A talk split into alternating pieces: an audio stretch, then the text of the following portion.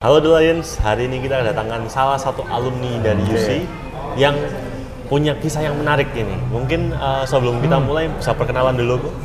Ya, eh, halo, nyebutnya Lions. Iya, The Lions. Halo Lions, nama saya Thomas Yuwono. Eh, saya angkatan, eh, saya IBM eh, reguler, angkatan tahun 2012. Terus, eh, apalagi tadi yang harus dibahas? Angkatan dulu waktu di ang- eh, angkatan 2012 ada anu mata kuliah E juga ya. Oh iya, Mata kuliah. betul. E. Mungkin pengalaman dulu kok kayak gimana ya waktu kuliah itu apakah Oke, Eh, boleh dibilang kalau di UC itu paling menarik dulu memang di semester 1 ya. Semester 1, semester 3 memang kita yang dari anak-anak SMA yang taunya mungkin masih zaman-zaman seru-serunya habis Sweet Seventeenan, habis main-main, terus tiba-tiba kita langsung masuk ke kuliah. Mata kuliah pertama kita dapat entrepreneurship dulu namanya sih belum E ya, mungkin sekarang disingkat beda nama. Dulu entrepreneurship itu kita langsung difokuskan untuk bisa selling. Jadi dari kita yang hobinya main-main tiba-tiba langsung dipaksa untuk selling. Entah untuk cari sponsor, entah soal negosiasi cari eh, supporter acara kita ya. Kita dipaksa untuk bikin sebuah event besar yaitu dulu namanya Evolution. Mungkin teman-teman angkatan Evolution. yang angkatan kita itu itu nama yang pasti akan selamanya kita kenang. Event besar Evolution eh, kita langsung dipaksa negosiasi. Kita dituntut langsung harus ketemu beberapa owner-owner perusahaan karena kita minta sponsor. wow. Kita berusaha selling, kita berusaha jualan macam-macam untuk funding acara kita. Jadi di situ sisi kreativitas, sisi negosiasi, teamwork dari dan dari sana juga kita akhirnya bisa menggali, ketemu orang-orang mana yang cocok sama kita, ketemu sama siapa yang orang-orang yang akhirnya oh ini eh, apa namanya orang ini hebat nih, orang ini hebat bisa selling, ini bisa ini orang ini jagonya di promosi, jagonya di sponsorship, jagonya di channelnya kuat-kuat atau gimana ya seperti itu. Terus soal E dulu juga kita banyak itu sih apa eh, di diperlengkapi ya itu kayak shock terapi untuk anak-anak dulu. Jadi tiba-tiba kita langsung dihadapkan ke dunia nyata dalam bentuk Wow. project gitu. Bikin event besar ya itu itu di angkatan-angkatan yang baru saya nggak ada deh Bu. jadi kayak kita nih nggak bikin event kayak gitu jadi menarik banget sih kak dulu digamblang gitu ya langsung disuruh Kebetulan bikin- iya. wow, langsung Di mentalnya 2013 angkatan 2013 masih ada, angkatan 2014 masih ada. Setelah itu udah nggak ngikutin lagi, nggak tahu angkatan selanjutnya ada atau enggak. iya Hmm. keren banget sih kalau selain mata kuliah eh dulu koko juga ada ikut kayak organisasi gitu nggak? Atau jadi mentor? Eh, dulu karena mungkin karena SMP SMA nggak pernah organisasi ya. Jadi boleh dikatakan ikut organisasinya tuh lumayan telat. Baru kuliah ini kayak gila organisasi. Oh ya? Kita dulu dulu aku tuh eh, yang aku incar pertama tuh OWIK wih. OWIK aku harus masuk.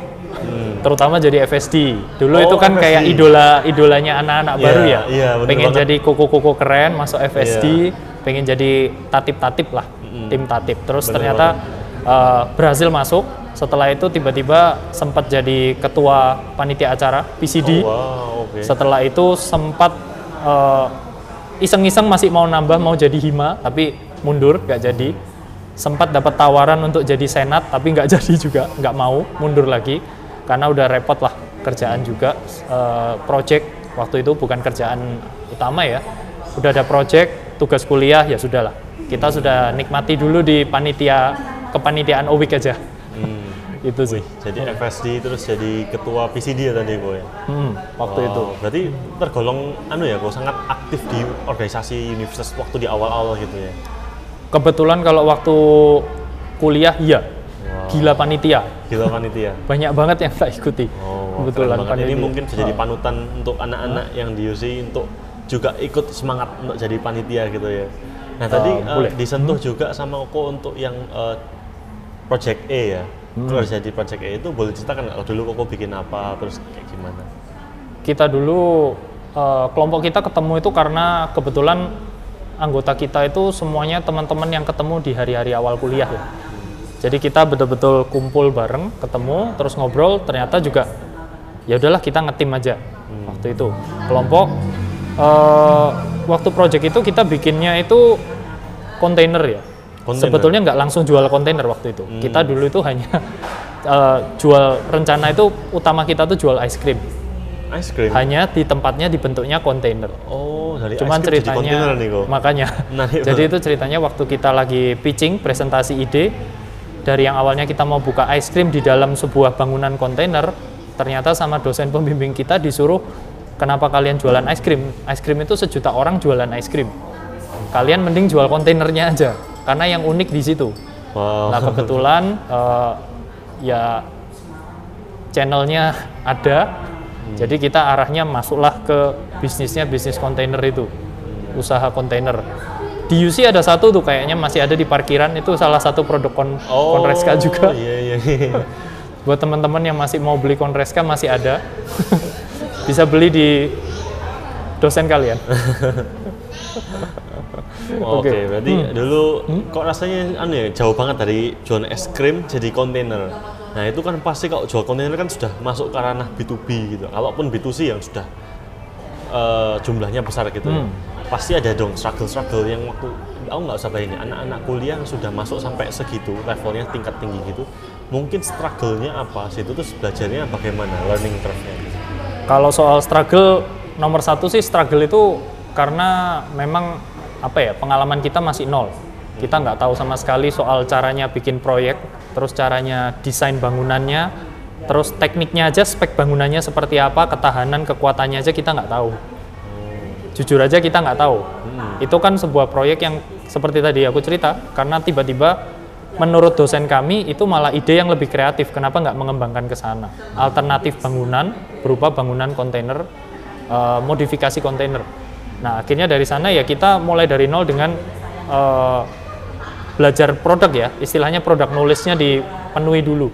Kita ketemu sama owner kerjaan yang sebidang, kita dikasih tahu spek tekniknya, kita baca, kita pelajari. Setelah itu ya kita mulai kreasi di desain sekaligus sambil harus bisa jualan kan. Itu kan sama kayak properti ya. Istilahnya sih kita dulu menempatkan itu sebagai bisnis properti. Karena itu sebetulnya kita punya lahan, punya bangunan, hanya aja kita bentuknya beda. Jadi kita ya mempelajari tekniknya, belajar cara jualan properti bagaimana. Ya otomatis eh, sama seperti jual perumahan. Kita harus bisa jual barang yang nggak kelihatan wujudnya. Iya. Otomatis kita harus banyak cerita, kita bikin visualisasinya yang semenarik mungkin sampai supaya orang-orang menarik.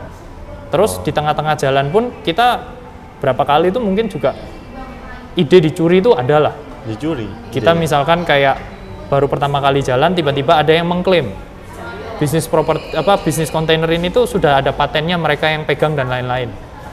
Padahal ya nggak masuk akal dong.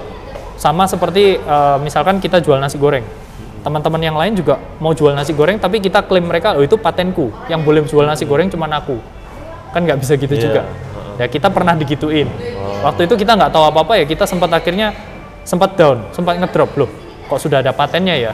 Diklaim seakan-akan perusahaan besar tapi ternyata sekarang juga perusahaannya nggak tahu ke mana itu yang ngeklaim kemarin. Terus eh, tengah-tengah jalan juga kita sempat didatangi sama satu perusahaan besar yang bilangnya tertarik sama idenya kita. Kita datang presentasi sudah berapa kali ke sana, ternyata orang itu cuma ngambil ide doang. Wah. Jadi cuma tampil konsep, ambil ide, oh gini ya, oh ya udah makasih. Setelah selanjutnya proyeknya nggak ngambil kita, ya masih polos-polosnya kita lah, zaman-zaman itu. Terus pernah lagi juga kita presentasi susah payah ke waktu itu eh, mungkin nggak sebut merek tapi salah satu perumahan di Surabaya yang punya apa area area food market ya. Oh, nah iya. terus ternyata kita presentasi ke sana kita sempat di istilahnya dinyek ya. Oh, iya? Maksudnya ini presentasimu proposalmu kayak gini. Terus habis itu ya udahlah apa ndak ndak bisa. Eh kok setelah kita lulus nih kebetulan kok ada yang buka kontainer juga Iya. ya Pujasera kontaineran ya. Berarti kan kayaknya mungkin informasinya juga ya bisa jadi dapat dari kita atau ya mereka merasakan manfaat alternatif apa ya bangunan non permanen dari kontainer itu sendiri gitu. Wow. Wih, ini pengalaman bisnis E-nya menarik banget ya dari bisnis E sampai mau dituntut ya waktu sampai paten terus di ide dicuri Ya, itu dua kali berarti ya yang dicuri itu ya sama perusahaan yang mau Ya, mungkin. itu.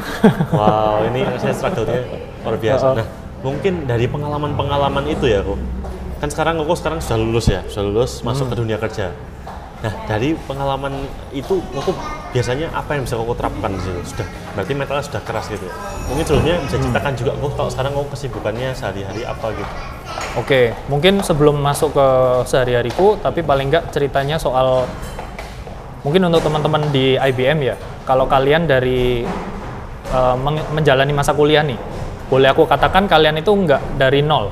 Kalian dari, bukan dari nol ke satu nih, tapi kalian itu dari minus, akhirnya kalian ke nol.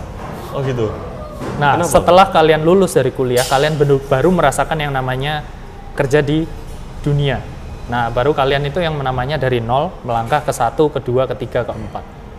Jadi sebetulnya dunia yang ada di zaman kuliah dulu, walaupun dengan se- semua pengalaman yang kita rasain, di dunia nyata beda banget bro. beda banget Beda banget bro. Dunia nggak senyaman kampus.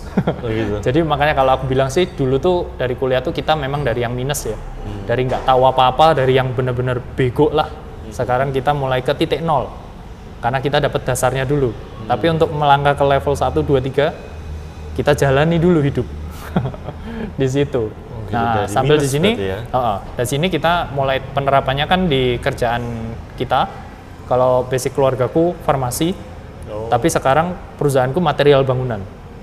Oh beda ya? nih. beda juga Nah, kebetulan karena sejak menikah, eh, karena dari keluarga ya, karena dari pihak istriku itu semuanya anaknya perempuan dan pekerjaan material kan tahu ya, material Oh, bangunan kan iya. Distribusi bahan bangunan itu kan lebih banyak membutuhkan cowok ya Iya. untuk keliling, ketemu, apa negosiasi, buka pasar baru, macam-macam. Jadi di diskusi akhirnya aku gabung ke perusahaan eh, istriku. Di situ ya itulah mulai digembleng lagi dari nol soal eh, selling yang sebenarnya, bagaimana handle selling, bagaimana ke apa ng- ngurus tim sales ya, karena sales kita juga lumayan banyak untuk seluruh Jawa.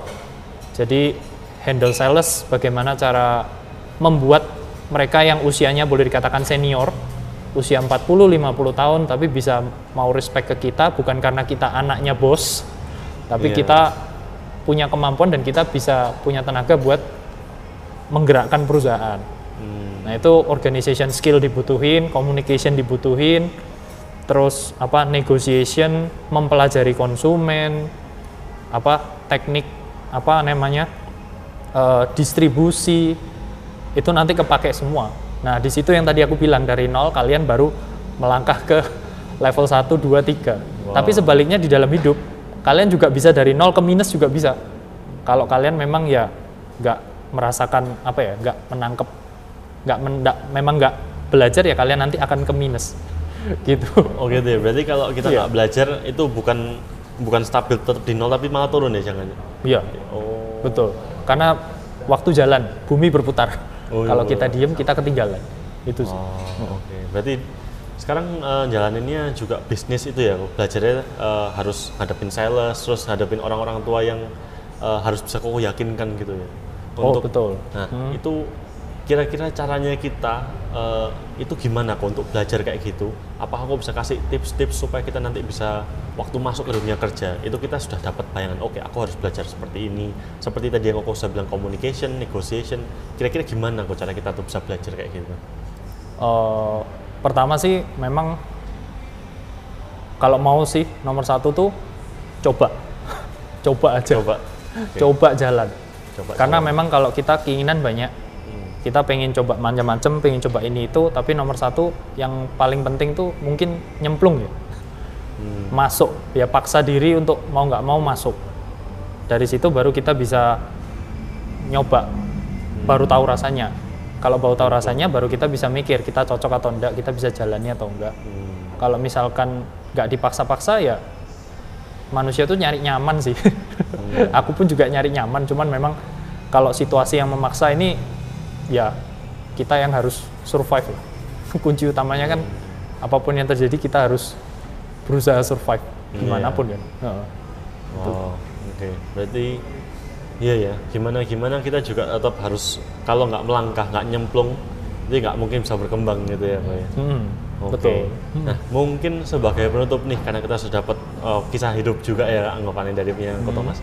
Uh, kira-kira kalau ada satu dua patah penutup kok untuk anak-anak IBM yang sekarang untuk menghadapi kehidupan yang katanya kok setelah kerja itu dari 0 ke 1 ke 2 ke 3 itu nggak semudah kuliah. Itu gimana kok? Eh, nomor satu mungkin itu ya jangan terlalu banyak sosmedan walaupun ini tim sosmed yang interview ya Iya. Tapi jangan terlalu banyak sosmedan Uh, Oke. tapi jangan memang pertama jangan jangan membandingkan diri sama orang. Oh, wow. banyak yang kelihatannya eh, hebat lah. Iya. banyak yang kelihatan hebat di luaran tuh banyak. Tapi sebenarnya ya kalian nggak hidup untuk mereka.